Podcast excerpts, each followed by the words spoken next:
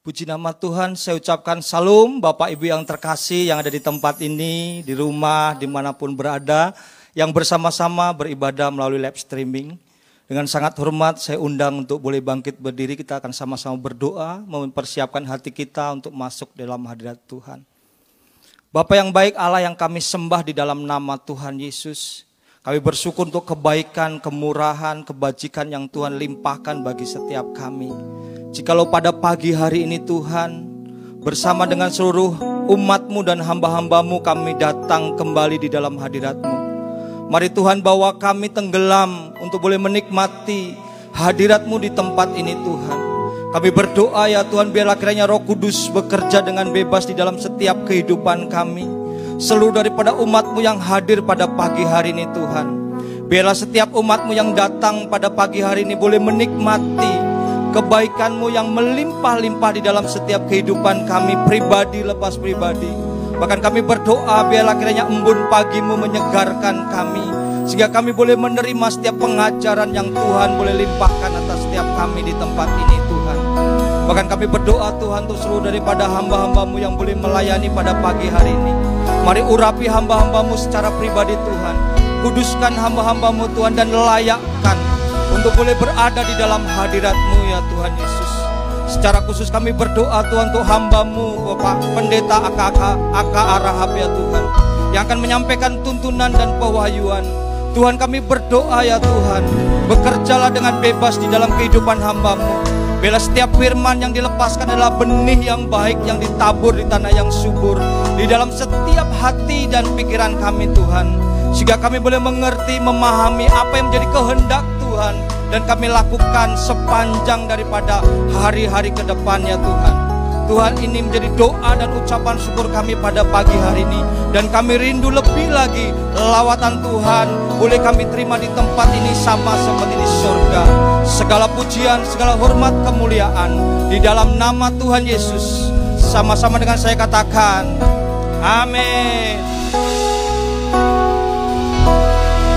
Haleluya, puji nama Tuhan. Kami menyapa Bapak Ibu yang beribadah di tempat ini, yang beribadah dari rumah-rumah Shalom. Saya percaya umat Tuhan yang diberkati suaranya bisa lebih semangat dari ini Bapak Ibu. Shalom Bapak Ibu.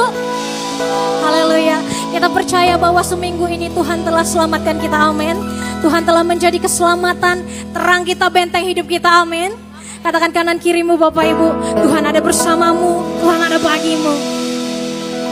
Berapa banyak yang bersuka cita boleh suarakan? Wuh! Mari tepuk tangan bagi Tuhan. Haleluya. Mari bersama-sama bertepuk tangan Bapak Ibu.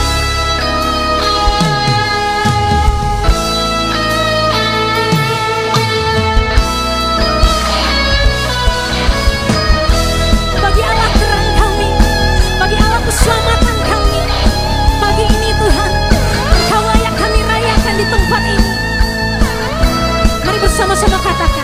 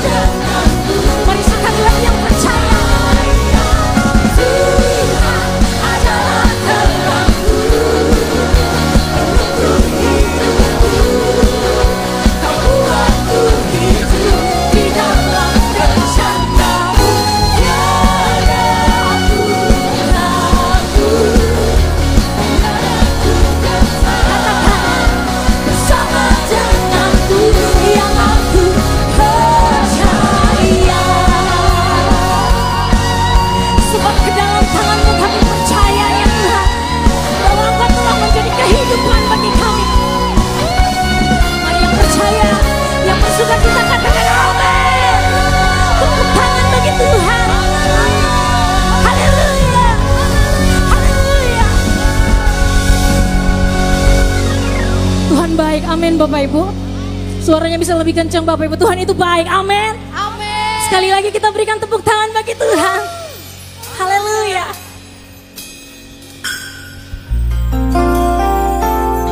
Sebab kebaikanmu nyata bagi kami ya Tuhan.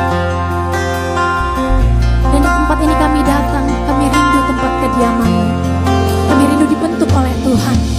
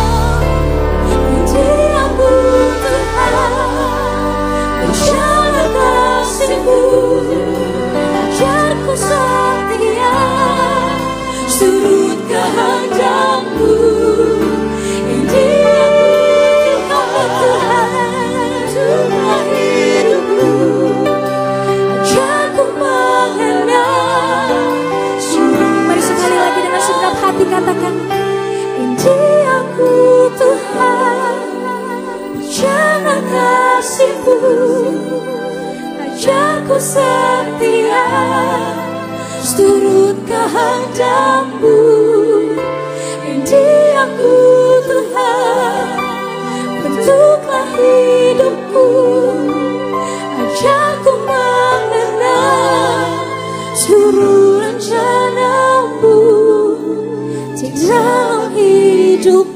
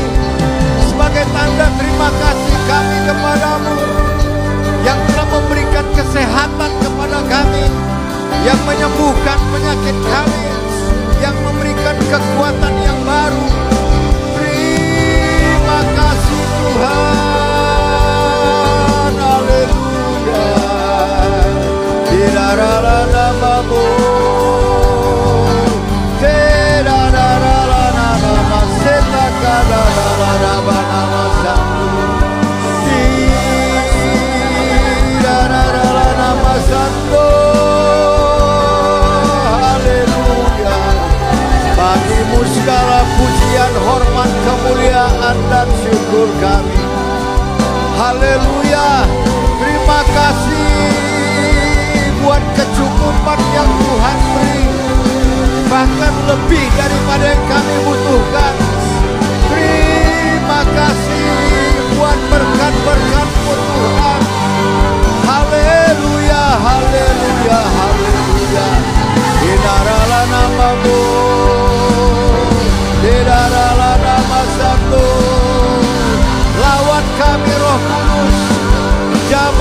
Setiap kami. Berikan kami hikmat untuk mengenal Tuhan. Berikan kami hikmat untuk menjalani kehidupan ini. Terima kasih Tuhan. Terima kasih Tuhan Yesus. Bagimu segala pujian, hormat, kemuliaan, dan syukur kami. Haleluya. Haleluya.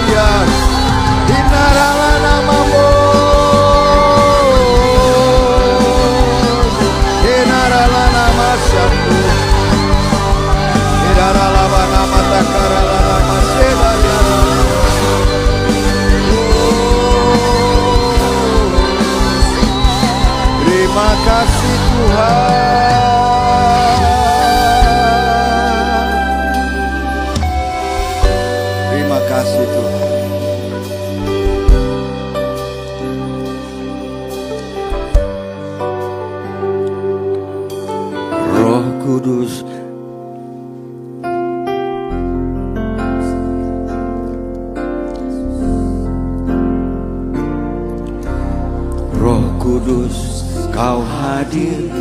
Di sini Roh Kudus ku mengasihimu Kau lembut, kau manis, Kaulah penghiburku, penolongku, diutus Bapakku.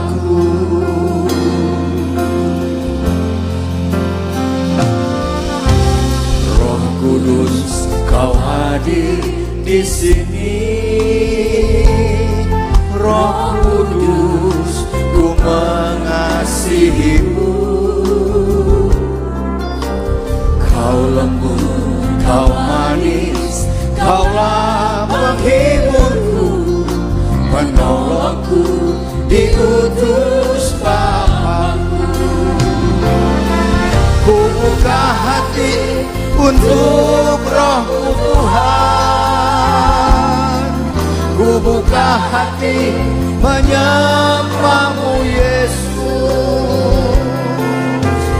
Jamahlah kami, penuhi kami dengan kuasa Allah Maha.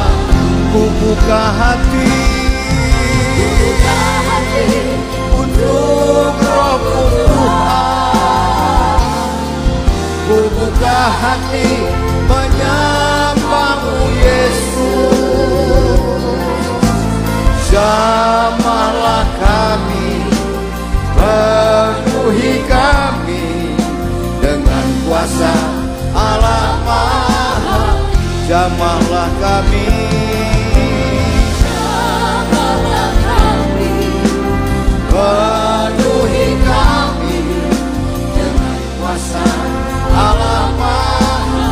Jamahlah kami Tuhan. penuhi kami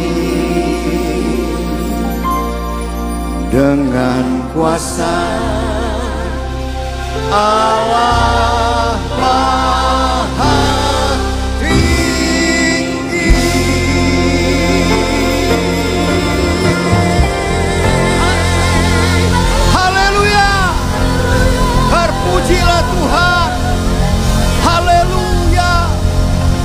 Terima kasih Tuhan Yesus.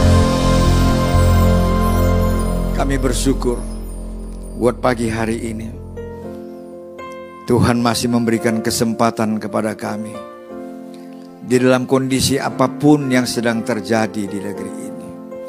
Tapi kami punya hati untuk memberikan waktu di hari perhentian ini kepada Tuhan terlebih dahulu. Karena kami ingin belajar, kami ingin memuji, memujamu, kami ingin memuliakan namamu dalam korban, pujian, dan syukur kami. Ajarkan kami Tuhan, agar kami mengerti, faham, ke mana Tuhan akan membawa kami di hari-hari yang di depan, yang tidak ada kepastian. Hanya Engkau kepastian bagi kami. Terima kasih Tuhan. Karena itu satukan kami dalam rohmu yang kudus. Urapi setiap kami agar kami diberikan hikmat untuk belajar. Terima kasih Tuhan.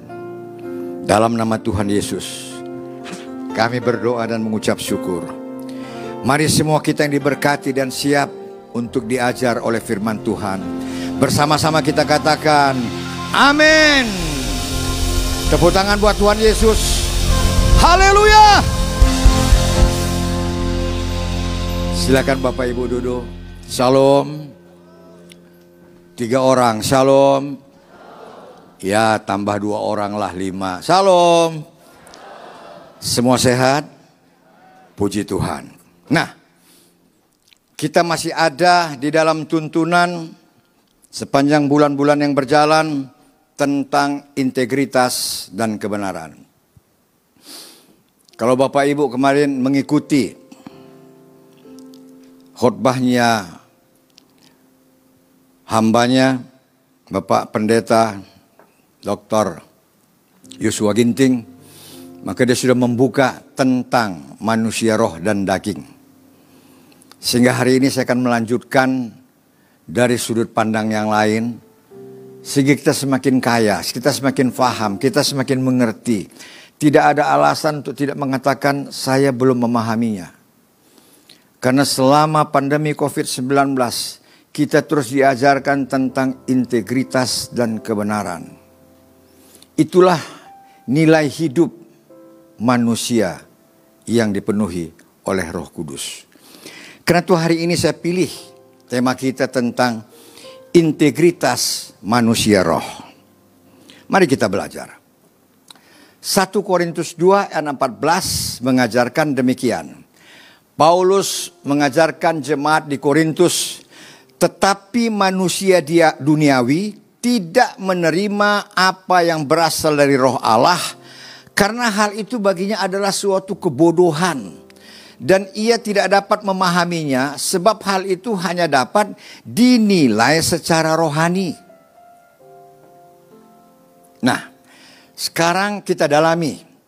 Kita dalami ayat yang sudah akrab dengan kita ini selama kita ada di dalam gereja. Sudah, mari kita dalami. Apa sebenarnya yang diajarkan oleh Paulus kepada jemaat di Korintus? Kalau dikatakan manusia duniawi, timbul pertanyaan, manusia duniawi itu yang mana? Pikiran kita pasti sebelumnya manusia duniawi itu yang di luar kita, Manusia duniawi itu orang yang tidak punya pegangan hidup dalam arti kata nggak beragama dan sebagainya dan sebagainya. Ternyata Paulus mengajarkan kita yang dia maksud dengan manusia duniawi itu adalah suhikos artinya manusia yang tidak rohani. Berarti kalau kita berangkat manusia duniawi itu dengan pemahaman, bukan pengertian lagi, pemahaman karena sudah banyak kali diajarkan tentang hal ini, pemahaman bahwa manusia duniawi itu ada yang tidak rohani, berarti manusia yang seperti ini pun ada di dalam gereja. Itu dulu. Jadi kalau kita melihat, memandang sesuatu, jangan jauh keluar dulu. Introspeksi di dalam, di dalam, di dalam. Di dalam. Nah, kenapa demikian? Karena manusia duniawi itu, ya, pesukikos yang tidak rohani itu tidak menerima itu dalam bahasa Indonesianya. Kalau diterjemahkan ke dalam bahasa aslinya tidak menyambut ya, tidak menyambut apa yang berasal dari roh Allah. Jadi dia nggak serius dengan baca Alkitab. Dia nggak serius kalau ke gereja dengar khotbah. Ya. Dia nggak serius dengan kehidupan rohaninya. Dengar baik-baik. Itu termasuk kriteria manusia duniawi. Makanya maafkan saya, sekedar untuk mengingatkan bahwa tipe yang seperti ini pun ada di dalam gereja. Mungkin banyak. Bagi saya itu lebih dari satu itu banyak. Nah, kemudian dia tidak menyambut. Menerima dengan menyambut itu berbeda. Kalau menyambut itu dengan segala persiapan. Ya. Dengan segala persiapan. Pak Lukman sama Pak Marlen mau datang ke rumah saya, dia beritahukan, ya. Karena kami bersahabat maka saya sambut. Atau gembala pembina atau gembala sidang kita mau berkunjung ke rumah saya saya sambut. Saya siapkan ya apa makanan kesukaannya? Apa minuman favoritnya? Itu menyambut jadi kita sendiri sudah mempersiapkan diri kita untuk menyambut sesuatu. Tapi kalau menerima, Gojek datang ke rumah kita, harus kita terima. Kalau kita terima, makanan dia bawa pulang lagi. Nah, lihat, jelaskan beda antara menerima dengan menyambut. Nah, manusia duniawi itu tidak menyambut. Cuek bebek aja kita. Ya ke gereja, ke gereja. Nanti apa kata tetangga, apa kata orang, apa kata mertua kalau nggak ke gereja. Ya. Hanya sekedar satu hal yang bersifat tradisi, kebiasaan, whatever. Nah, itulah kriteria pengertian daripada manusia duniawi. Nah, karena kenapa dia tidak menyambut apa yang berasal dari roh Allah? Firman Tuhan, khotbah yang disampaikan, dan semua-semua yang lain kegiatan yang ada. Oke? Karena hal itu baginya adalah suatu kebodohan. Untuk apa buang waktu untuk hal-hal yang seperti itu? Saya ini orang yang sukses. Saya harus mempertahankan kesuksesan saya. Mungkin dalam pekerjaannya, mungkin di dalam karirnya di perusahaan, mungkin dalam usaha bisnisnya, bahkan mungkin di dalam pelayanannya. Nah, karena itu dianggap suatu kebodohan, hanya buang-buang waktu. Sudah? Karena itu ia tidak dapat memahami apa yang dimaksud oleh Tuhan. Sebab hal itu hanya dapat dinilai secara rohani, pneumatikos. Hanya dapat dinilai, hanya kita bisa memahami, mengertinya, oke, okay, menurut roh Allah yang ada di dalam diri kita. Nah, sementara roh Allah dalam diri kita itu, pertama mungkin nggak ada, karena kita yang menolaknya. Yang kedua, mungkin nggak berperan karena kita tidak memberikan kesempatan untuk berperan. Itulah manusia duniawi. Jadi jangan terlalu cepat kalau begitu bilang manusia duniawi, oh langsung yang di sana itu, ya kan? Nggak gitu, nggak gitu kelas. Oke. Tapi lihat, lihat. Hari ini kita mengerti pulang dari sini, bahkan sebelum kita pulang dari sini, kita masih dalam ruangan ini, segera lihat dari kita, cermin diri. Langsung kita tahu, ya. Kita ini kucing apa singa gitu. Ya kan? Karena kalau di cermin nggak beda banyak itu. Cuma beda gedenya aja itu. Nah, oleh karena itu mari, sehingga waktu kita keluar dari tempat ini, kita telah mengubah diri kita. Berarti kalau kita ubah diri kita, kita mengubah kehidupan kita ke depan. menjadi manusia roh. 1 Korintus 2 ayat 15. Tetapi manusia rohani, ah, itu manusia roh itu. Manusia rohani, ya, bukan karena namanya rohani, bukan. Tapi memang dia dipenuhi roh kudus. Manusia rohani, pneumatikos, yang dipenuhi oleh roh kudus itu, di situ ditulis menilai. Sebenarnya setelah saya dalami, yang dimaksud Paulus bukan menilai, anak krino, dinilai. Jadi kita yang sudah manusia rohani itu yang sudah penuh dengan roh kudus, apa buktinya manusia rohani itu harus bisa dibuktikan? Apa buktinya manusia rohani itu satu? Dia baca firman Tuhan, dia renungkan, dia mengerti, lihat tahapannya. Baca, renungkan, Oke, mengerti, selesai. Belum, dia faham. Langkah terakhir karena dia faham, dia lakukan. Nah, itu ya. Dia lakukan. Introspeksi diri kita. Apakah kita pelaku firman? Itulah kriteria orang beriman di pandangan saya.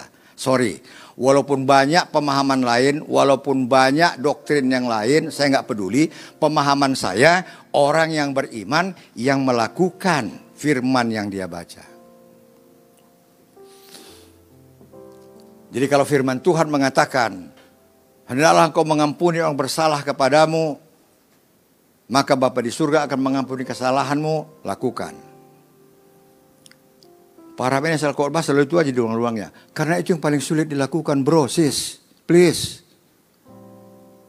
Ayo kita jujur. Ada berapa nama kalau disebut Anda pingsan hari ini? Ya, ya. ya. Tapi nggak usah disebut karena nggak ada ambulans di sini repot kita. Oke. Okay? Ayo, ayo, ayo. Itu membuktikan kita belum menjadi apa yang dikajarkan oleh Paulus, manusia rohani. Padahal nanti pulang di rumah baca. Kalau kita tidak mengampuni orang yang bersalah kepada kita, termasuk orang, ya, adik-adik yang PHP sama Anda, oke, okay, opung-opung bingung tuh apa itu Pak harap PHP. Udah opung jangan tahu lah, biar kami aja yang gaul yang tahu ya. ya udah, oke, okay, sudah.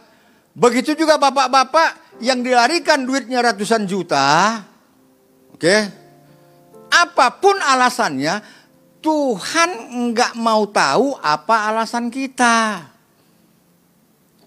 Jadi sama Tuhan itu jangan baper. Tuhan sakit kali hatiku dibikinnya. Nggak didengar Tuhan itu. Tapi sama Tuhan itu caper, cari perhatiannya. Begitu kita melakukan, aku ampuni si pola. Nah, dia langsung lihat kita. Gue suka gaya lo. Kenapa? Karena kita lakukan apa yang dia mau. Sekarang saya tanya, kalau kita lakukan apa yang dia mau, apakah ada alasan Tuhan untuk melakukan yang tidak melakukan apa yang kita mau asal sesuai dengan rencananya? Berpikir yang gampang aja. Ya. Alkitab itu jangan dibikin sesuatu yang sulit, enggak. Bikin yang mudah. Sehingga kita nggak takut bacanya. Kenapa saya ingatkan tentang yang satu itu? Ya.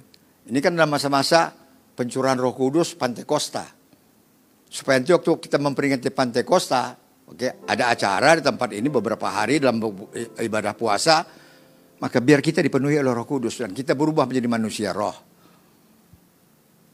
Karena ayat yang saya sebutkan tadi, ya, nanti cari doa Bapa kami, baca.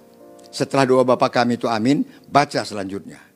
Bila mana engkau tidak mengampuni orang yang bersalah kepadamu, dengar baik-baik Firman Tuhan mengatakan, Bapa di surga tidak mengampuni kesalahanmu. Please. Berarti kita duduk cantik seperti sehari ini, pagi ini, sudah? Tapi kita masih bermasalah dengan Tuhan. Kalau kita masih bermasalah dengan Tuhan, kapan dia menjawab doa kita? Karena dia meminta kepadanya, Sedangkan kita ya belum layak untuk meminta kepadanya karena kita punya masalah. Lihat satu hal yang sebenarnya gampang, mudah dilakukan, hanya mengucapkan tanpa modal. Tapi karena kekerasan hati kita, nah itulah manusia duniawi, orang yang keras hati.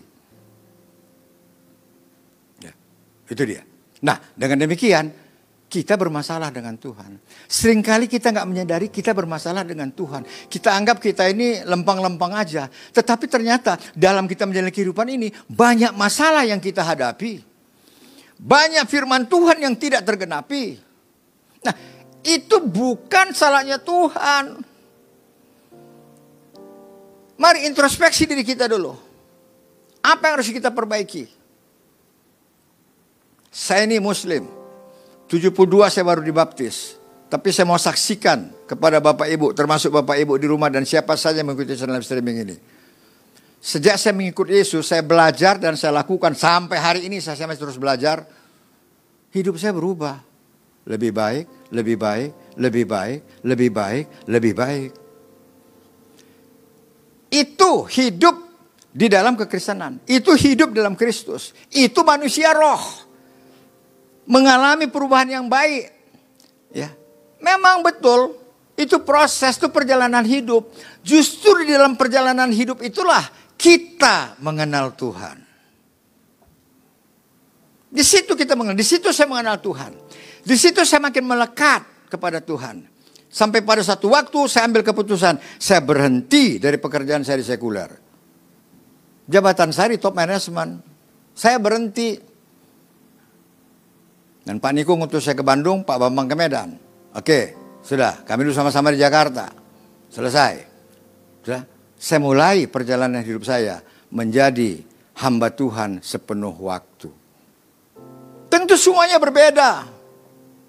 Semuanya pasti berbeda. Income dan sebagainya pasti berbeda. Tapi saya buktikan bahwa Allah ada. Itu yang penting bagi saya. Allah ada. Nah, saya melihat bagaimana dia membentuk saya, bagaimana dia mulai mengubah hidup saya dan keluarga saya. Itu satu hal yang yang yang saya nggak akan pernah lakukan dan itulah yang saya wariskan kepada anak cucu saya. Kalau saya wariskan kekayaan, seminggu pun bisa habis. Tapi kalau kita wariskan Kristus kita wariskan Yesus kepada anak cucu kita, dia akan turun temurun terus bertahan bahkan berkembang. Karena kenapa? Waktu mereka lebih banyak dengan Tuhan daripada kita. Ya kan? Coba renungkan waktu kita bertobat. Waktu kita bertobat kan, ada sweeping. Ketangkap kita bertobat. Ya mungkin ada masalah dan sebagainya bertobat, ya kan? Kalau enggak belum bertobat bertobat barangkali sampai hari ini. Nah, jadi waktu kita itu pendek, tapi keturunan kita waktunya panjang. Ya. Ini, ini dia, ini dia. Ya, ini dia. Nih saya kasih contoh. Yang sederhana aja lah. Ya. Susah-susah saya kan pasti opung-opung sini punya cucu. Ya. Tadi pagi karena kebiasaan saya tiap pagi cucu-cucu saya saya kirim good morning Kenneth, good morning Nicky, good morning saya, good morning Opa. Tadi satu cucu saya saya kirim selamat pagi langsung dia bereaksi. Sekolah minggunya mana Opa? Karena biasanya setiap minggu saya kirim sekolah minggu. Saya belum dapat, orang saya belum sampai di sini. Sudah, begitu saya sampai, saya cari arti, arti tolong kirim sekolah minggu, saya kirim ke dia. Begitu saya kirim ke dia, thank you Opa, God bless you. I love you. Padahal dia baru kelas 1. Nah, ini lihat. lihat. Ini lihat. Dari kecil ya, dia sudah biasa dengan itu. Itu yang kita wariskan.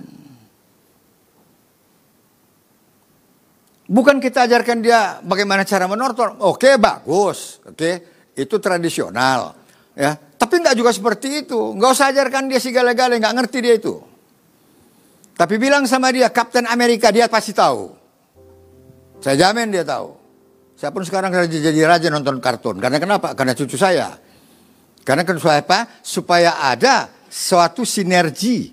Kalau kalau ngomong tuh nyambung. Gitu. Jadi ayo bangun kehidupan kita, bangun kehidupan kita. Nah, oleh karena itu perhatikan apa kelebihan manusia rohani? Manusia rohani yang dipenuhi roh, di situ ditulis menilai. Enggak. Setelah saya periksa anak rino, anak rino itu dinilai. Menilai dengan dinilai itu lain. Menilai, oke, okay, saya bisa menilai Bapak Ibu yang duduk ini, oke, okay, pakaiannya pas apa enggak, oke, okay, matching apa enggak, saya bisa menilai. Begitu juga Bapak Ibu bisa menilai saya, tampilan saya pagi hari ini. Tapi ini maksud itu dinilai. Jadi manusia rohani, orang yang dipenuhi roh, dinilai segala sesuatu, tetapi ia sendiri tidak dinilai oleh orang lain. Memang sulit waktu saya ketemu ayat ini saya juga bergumul untuk mencari pemahamannya. Kelihatannya seperti mondar-mandir kalimat itu, kata-kata yang ada sehingga membingungkan. Tapi kembali, kalau kita minta hikmat, diberi hikmat, gak ada yang terpecahkan. Gak ada yang gak bisa terpecahkan. Semua bisa terpecahkan. Yang dimaksud di sini adalah manusia rohani, orang dipenuhi roh kudus. Yang hidupnya sesuai dengan rencana Tuhan, kehendak Tuhan, sesuai dengan firman Tuhan.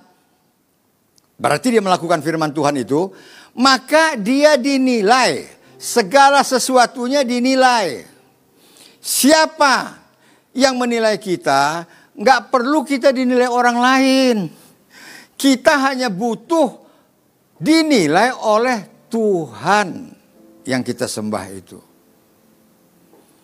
Jadi orang manusia roh itu kalau dia berbuat sesuatu, dia nggak membutuhkan ucapan terima kasih.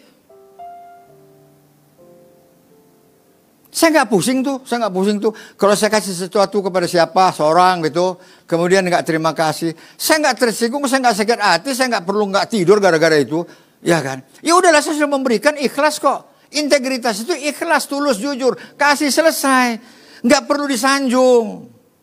Kalau itu disanjung, kalau kita perlu sanjungan, kita bukan memberi. R-nya diganti, kita membeli. Itu. Supaya datang sanjungan. Keren kali Pak Harap kulihat hari ini. Langsung saya jawab, dari dulunya saya keren. Kalau enggak mana mau Bu Heni sama saya. Nih, nih, nih lihat ya. Jadi mulai hari kita berubah. Kalau kita memberi ikhlas. Gak usah menunggu sanjungan orang, gak usah menunggu terima kasih dari orang. Nah, waktu kita lakukan seperti itu, ada yang menilai kita, siapa itu Tuhan. Baru dia bilang, itu aku. Ya, kalau bahasa gaulnya Tuhan bilang begini, "Huh, gue banget." gitu loh. Ini dia. Ya, sederhana, dua ayat ini ya langsung mencerahkan. Jadi mulai hari ini mari kita. Karena kenapa? Kalau kita lakukan manusia orang seperti itu, orang akan melihat kita rendah hati. Bukan rendah diri. Itu beda lagi. Ya. Rendah hati itu diajarkan dalam kita. Rendah diri itu enggak. Ya. Awak ini apalah, ya kan? Itu kan itu kan itu kan istilah Medan tuh. Awak ini apalah, ya kan? Itu rendah diri. Ya.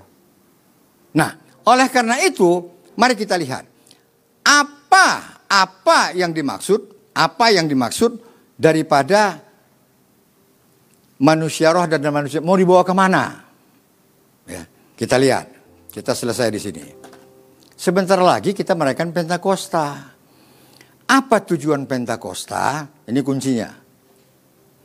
Tujuan Pentakosta, ya, kisah para rasul 1 ayat 8, Kemarin ada yang tanya sama saya waktu Pak Yosua khotbah, dia bikin juga KPR, oke, okay, tanya ke saya, itu apa Pak Arab? Kredit kepemilikan rakyat ya? Bukan. Itu kisah para rasul. Kok gitu nulisnya? Ah, itu kan pandai-pandai kami lah itu. Ya, sebenarnya perhatian. Oke, nah kisah para rasul 1 ayat 8 mengatakan, tetapi kamu akan menerima kuasa apa itu kuasa? Dunamis. Jadi lihat, lihat.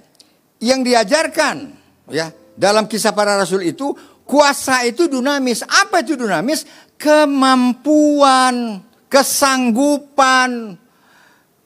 Jadi kalau kita manusia roh, jangan pernah katakan disuruh doa, nggak bisa aku doa apa. Loh, gimana orang Kristen nggak bisa doa? Dukun aja bisa doa. Masa kita gak bisa doa? Nah, ini kan sudah terbolak balik ini kan. Nah, ini, ini, Kan ada yang begitu tuh kan. Jangan lupa. Gak bisa ku doa.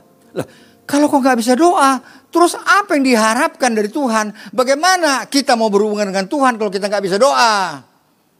Hari ini jangan ada yang gak bisa doa. Anak muda di kampus, ya, jadilah manusia roh. Yang masih sekolah di SMP, SMA, jadilah manusia roh. Nggak ada batasan usia. Manusia roh itu seperti apa. Nah, saya lanjutkan. Nah, dengan demikian kita akan menerima kesanggupan, kemampuan. Ya, kemampuan. Kalau Roh Kudus turun ke atas kamu dan kamu akan menjadi saksiku Martus Martus ini jangan diambil dialihkan kepada memang dari situ memang dari situ diambil katanya, tapi jangan pakai itu martir. Ya. Mati demi agama. Bukan itu, bukan itu maksudnya. Martus di sini adalah yang bertahan dalam iman sampai akhir hidup. Itu dia.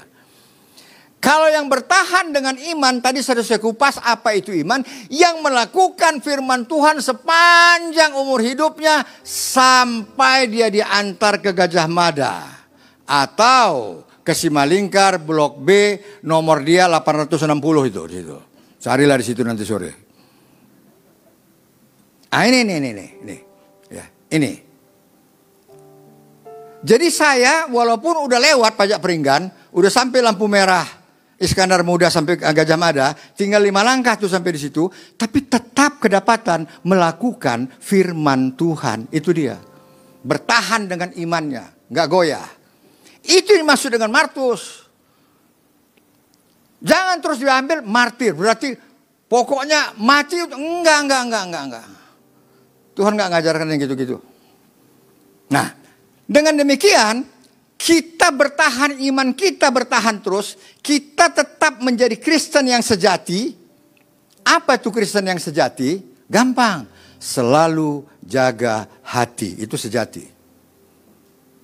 Hati ini jaga karena dari sini sumber kehidupan. Jadi orang yang sering sakit hati, nah, maafkan saya. Orang yang sering sakit hati, ya, saya harapkan nggak ada di sini. Nanti tersinggung dia, nggak bisa saya pulang dari sini nanti kan. Nah, lihat, saya kupas ya. Jiwa di dalam kalau bapak ibu ikut kom, maka pemahaman jiwa di dalam Alkitab adalah pikiran, perasaan, perbuatan, tindakan. Itu jiwa. Jadi kalau orang sakit hati, berdasarkan pemahaman itu, maafkan saya, berarti identik dia sakit jiwa. Ayah kan? Ulang, ulang, ulang lagi, ulang lagi. Jiwa, ya, ya, jiwa, pikiran, kehendak, perasaan. Kan nggak salah kalau saya bilang orang yang sakit perasaannya sakit kali kurasa kan gitu kan? Itu kan perasaan itu. Ya, berarti dia sakit hati, berarti dia sakit jiwa kan nggak salah saya. Jangan marah sama saya. Nah, kalau itu tidak diperbaiki, karena sudah ada gejala sakit jiwa, ya, sudah ada gejala sakit jiwa, nggak diselesaikan, nggak mengampuni, akibatnya dia bertumpuk, dia akan naik satu level. Satu penyakit namanya stegi. Apa itu? Setengah gila gitu. Kenapa? Karena sakit hati. Ya. Ah, tinggal pilih. Pilihan itu tangan kita. Kita mau ke mana? Terserah. Terserah. Tuhan nggak ngatur kita sampai eh dia nggak bikin kita jadi robot loh. Tolong catat ini. Tuhan yang kita sembah itu menciptakan dia nggak bikin kita jadi robot. Dia memberikan kebebasan, dia berikan kemerdekaan kepada kita. Kau pilih. Ini jalan, pilih. Kalau kita pilih jalan dia, maka dia ada di situ. Kita salah pilih jalan, nggak ada dia di situ. Nah ini dia. Yang diajarkan untuk menjadi manusia roh itu benefitnya kalau boleh saya katakan demikian seperti itu. Nah kita lanjutkan. Kemudian dia yang bertahan imannya sampai akhir hidup di mana? Di situ ditulis di Yerusalem, di seluruh Yudea dan di Samaria. Jadi kami mesti ke sana Pak Arab? Enggak juga. Enggak juga. Bisa aja kita ganti tuh di Tarutung, di Sigumpar, ya kan? Sudah, di mana lagi? Uh, uh, apa namanya? Di Binjai, bisa aja itu. Artinya nama kota-kota itu disederhanakan aja. Di mana pun kita ada, ke mana pun kita pergi, manusia roh itu muncul. Please. Kalau di rumah kita mau makan, kita berdoa mengucap syukur kepada Tuhan. Begitu kita makan di restoran besar, oke, okay, nggak berdoa. Kenapa? Malu dilihat orang. Ah ini, ini, ini, ini. Ya. Ini bukan manusia roh. Ya. Karena kenapa? Masih ada dagingnya. Nggak tulus. Bukan tulus penyanyi itu, bukan. Ya. Itu beda lagi tuh.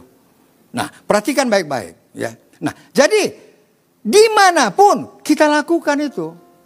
Di mana pun orang melihat kita sama, di kantor. Jam istirahat, makan di kantin. Kalau dia kalau di pabrik kan selalu ada kantin. Oke. Doa. Enggak usah pedulikan orang sekitar kita. Paling kita diomongin orang. Ya udahlah. Ngapain pikirin orang? Ini saya kasih tips, saya kasih tips ya. Orang benar banyak nggak disukai orang. Catat itu. Catat itu. Ya, catat itu. Saya sering ngalaminya. Gak masalah. Emang gue pikirin. Ini, ini, ini, ini. ini. Ya. Orang benar banyak disukai. Jadi kalau orang ngomong, biarin aja. Nah kalau kita lakukan itu pasti domain orang. Kau lihat si Joel Top itu. Rajin kali sekarang. Mau makan doa. Nanti dia balik ke mejanya baca Alkitab dia. Kawan yang satu bilang, iya udah mau mati dia barangkali gitu. Ya sudahlah. Nggak usah tersinggung. Loh iya kan, nggak usah tersinggung ngapain? Kalau saya dibikin begitu malah saya senang. Berarti kenapa? Ternyata ada orang yang memperhatikan saya. Nah, tanpa sadar dia menilai saya walaupun salah penilaiannya, tapi Tuhan menilai pasti benar. Ini dia. Amin. Tepuk tangan buat Tuhan Yesus. Hari ini jangan baper. Please. Jangan pernah datang, kita ditipu orang 500 juta, mungkin 8 miliar barangkali. Datang kepada Tuhan. Kenapa aku bisa ketipu seperti ini? Dalam hati Tuhan, kan salah kau, kau nggak berhikmat. Kalau kau berhikmat, masa mungkin tertipu sekian banyak? Kan bisa kau baca ke mana dia mau pergi. Orang ngomong saya sama saya 10 menit, saya tahu siapa dia. Nah, oleh karena itu hikmat itu perlu. Nah, untuk mendapatkan hikmat dari mana? Baca Amsal. Permulaan hikmat adalah takut akan Tuhan. Baca firman Tuhan. Nah, oleh karena itu ayo ayo kita akan selesai sampai di sini. Kita tahu tujuan Pentakosta itu sampai di situ, satu lagi sampai lupa. Sampai ke ujung bumi.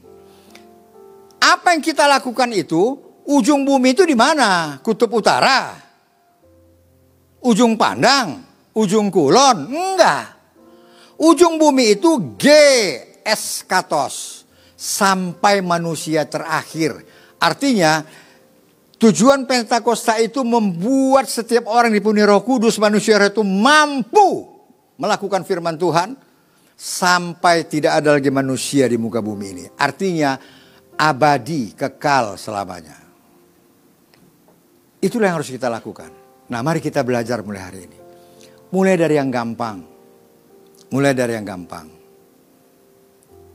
Mulai dari melakukan hubungan-hubungan yang ada yang ada muatan etikanya. Yang gampang aja kalau mau belajar itu gampang.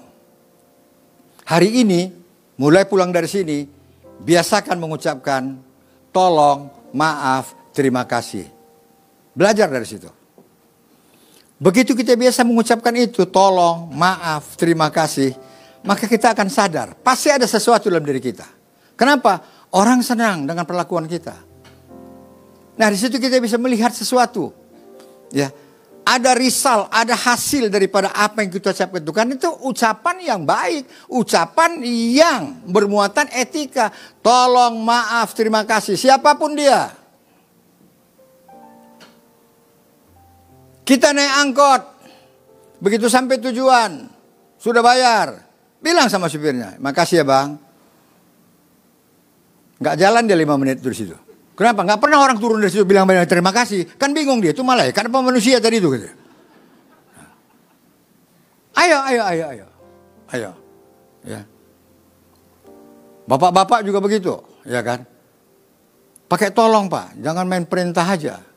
Woi, ambil itu. Cobalah lembut sedikit, tolong ambilin ya. Haus sekali aku. Nah, kan enak. Orang kita suruh pun melakukannya dengan, ih dihargai aku. Luar biasa opung ini. Berubah dia. Mungkin, ah enggak usah lanjutkan lagi. Nanti salah lagi saya kan, nggak usah lanjutkan lagi sampai situ aja udah. Nah, mari kita selesai sampai di sini. Dan dengan demikian kita tahu apa yang harus kita lakukan pulang dari tempat ini. Bangun manusia roh kita. Katakanlah dengan pelajaran ini tadi kita sadar kita ini manusia daging. Gak usah kecewa bro. Gak usah kecewa. Justru lebih bagus kita pulang dari tempat ini kita sadar saya ini manusia daging. Itu keren. Berarti Anda sadar dan mulai hari ini, mulai latih diri kita untuk membangun manusia roh. Hanya manusia roh ini yang bisa dekat dengan Tuhan. Hanya manusia roh ini yang didengar oleh Tuhan. Hanya manusia roh ini yang dilayani oleh Tuhan. Dan hanya manusia roh ini yang dipelihara, dilindungi, dan disertai Tuhan. Tuhan Yesus memberkati. Roh Kudus, kau hadir di sini. Roh Kudus, ku mengasihimu. Kau lembut, kau manis, kaulah penghiburku, penolongku, diutus Bapakku. Ku buka hati untuk rohmu Tuhan. Ku buka hati menyembahmu Yesus. Jamahlah kami, penuhi kami dengan kuasa Allah Maha. Mari kita bangkit berdiri. Ku buka hati, untuk rohmu Tuhan.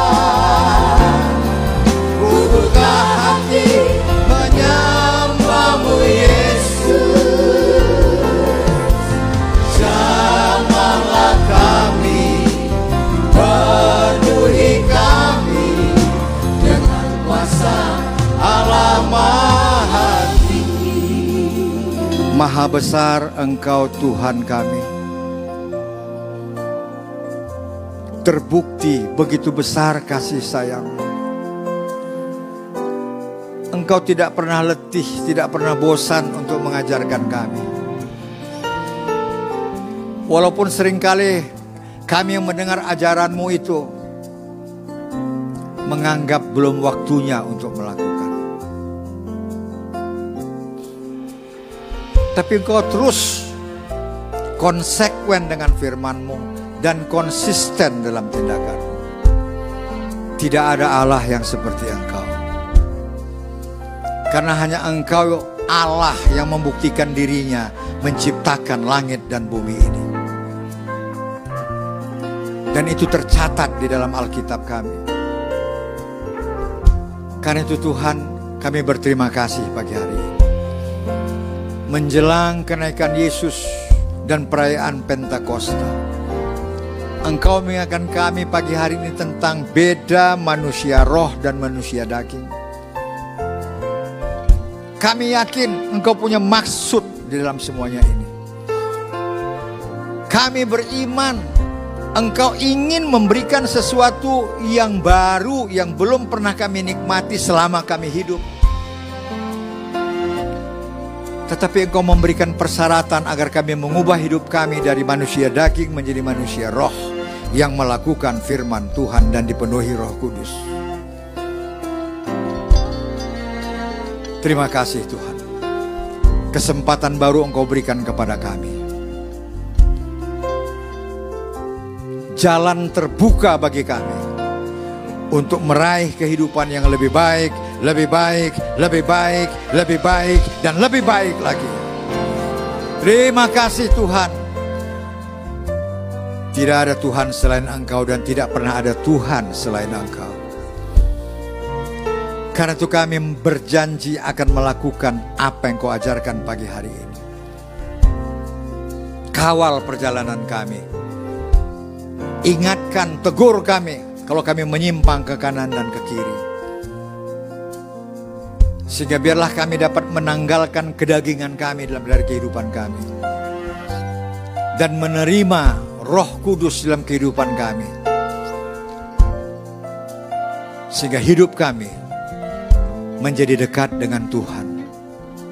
Dan apa yang kami lakukan menyenangkan hati Tuhan. Akibat daripada itu semua, maka engkau akan membukakan tingkap langitmu dan membukakan kesempatan-kesempatan yang baru, kesempatan-kesempatan yang baik bagi kami di dalam pekerjaan kami, di dalam usaha bisnis kami, di dalam pelayanan kami, di dalam keluarga rumah tangga kami, di sekolah, di kampus di mana kami belajar. Kami menikmati hal-hal yang baru. Terima kasih Tuhan, terima kasih. Kami bersyukur, kami bangga punya Yesus. Dan kami lebih bangga bila mana Yesus memiliki kami. Kami akan menjauhkan diri daripada perbuatan-perbuatan duniawi. Terima kasih Tuhan, terima kasih. Berikan kami kekuatan. Roh Kudus tuntun kami. Penuhi dengan hikmat untuk belajar. Dan biarlah kiranya hari-hari yang ada di depan kami akan kami nikmati dengan hal-hal yang baru. Berikan kepada kami sesuatu yang belum pernah kami dapatkan, sesuatu yang belum pernah kami terima, yang baik, yang berasal daripadamu sepanjang jalan hidup kami. Jadikan kami saksimu, martus, sanggup menyaksikan kepada banyak orang melalui kehidupan kami, pekerjaan kami, usaha bisnis kami, di sekolah, di kampus, kami dikenal sebagai orang-orang yang mewujudkan manusia roh dalam kehidupan kami. Terima kasih Tuhan, terima kasih, terima kasih. Kami berjanji akan mengampuni siapa pun yang bersalah kepada kami. Karena hari ini kami sadar tidak ada gunanya menyimpan sampah di dalam hati dan hidup kami.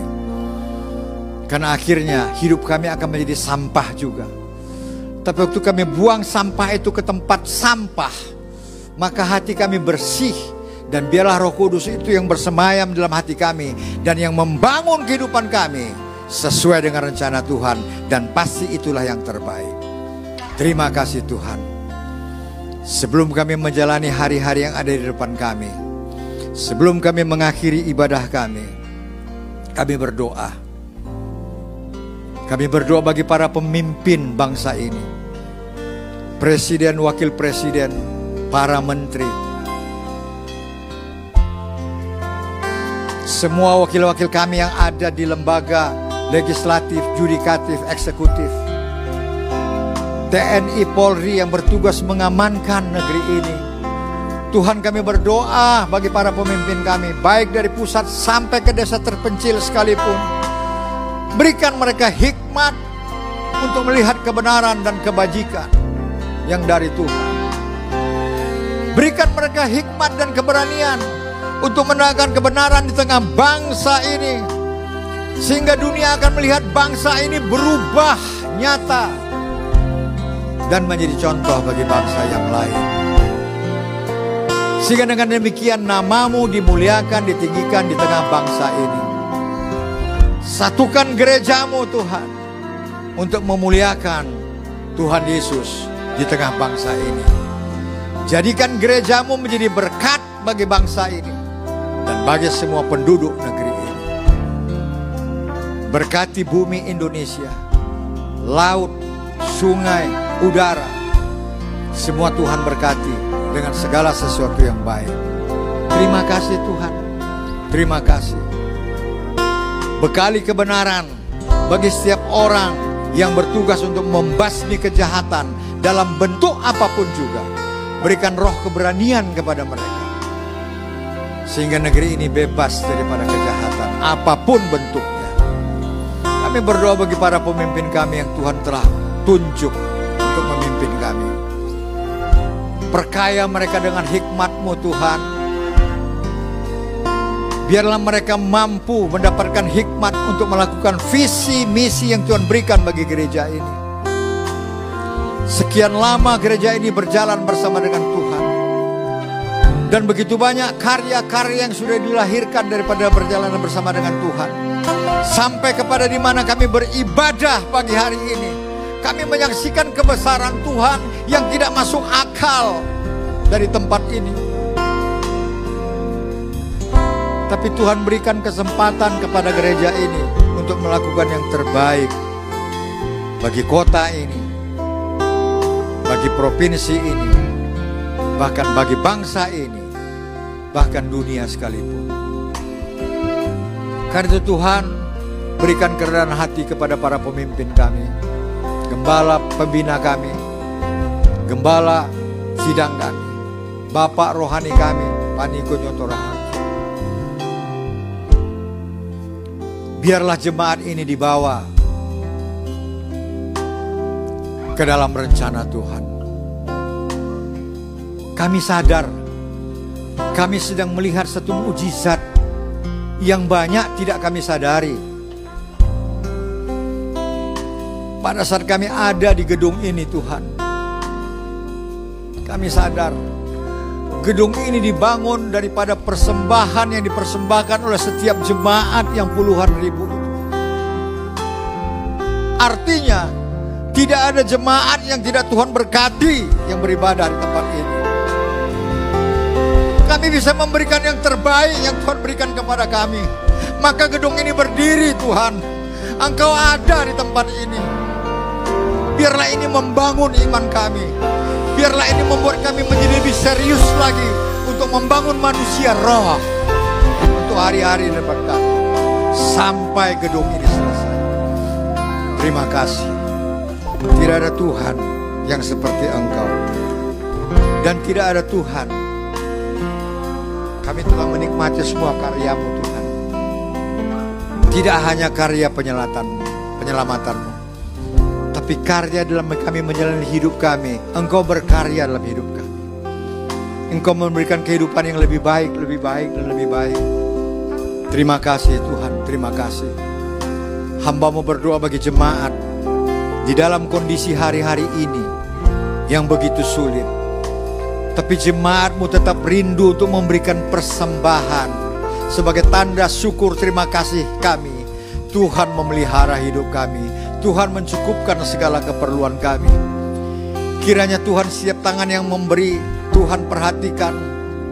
Dan Tuhan jamah semua persembahan kami.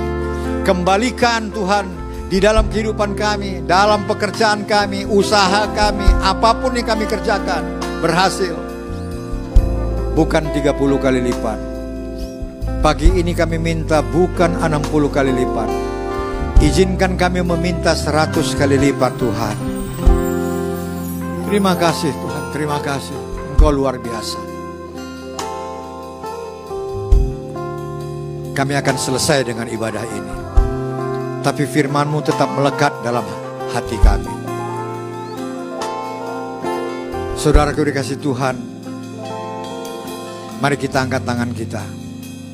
Mari kita memberkati kota kudus Yerusalem. Shalom Yerusalem. Biarlah orang mencintaimu mendapatkan sentosa.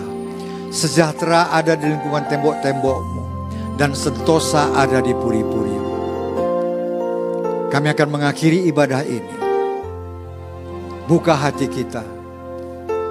Saudaraku dikasih Tuhan Yesus Kristus, pulanglah. Masuki hari-hari yang ada di depan. Dengan membawa berkat yang berlimpah-limpah dari ibadah pagi hari ini. Begitu saudaraku yang mengikuti live streaming di rumah-rumah. Terimalah berkat Tuhan. Damai sejahtera daripada Allah Bapa. Kasih karunia dalam Tuhan Yesus Kristus yang membuat apa saja kita kerjakan kita berhasil. Persekutuan dengan Roh Kudus, penghiburan, pengurapan, sukacita menyertai kita mulai daripada hari ini sampai kepada Maranatha. Bahkan selama-lamanya manusia roh bersama-sama kita katakan amin. Terima kasih. Tuhan Yesus memberkati. Jaga protokol kesehatan. Bagi Bapak Ibu yang rindu untuk memberikan persembahan, dapat memberikan persembahan di seluruh kotak persembahan yang tersedia di seluruh ruangan ibadah, atau dapat melakukan via transfer dengan melakukan scan pada layar monitor di seluruh ruangan ibadah. Dan bagi Bapak Ibu yang ingin mengetahui kegiatan sepekan gereja, dapat mengakses informasi di seluruh akun sosial media gereja, keluarga besar GBI Medan Plaza. Sekali lagi, selamat hari Minggu Bapak Ibu. Selamat menikmati kebaikan Tuhan. Tuhan Yesus memberkati. Shalom.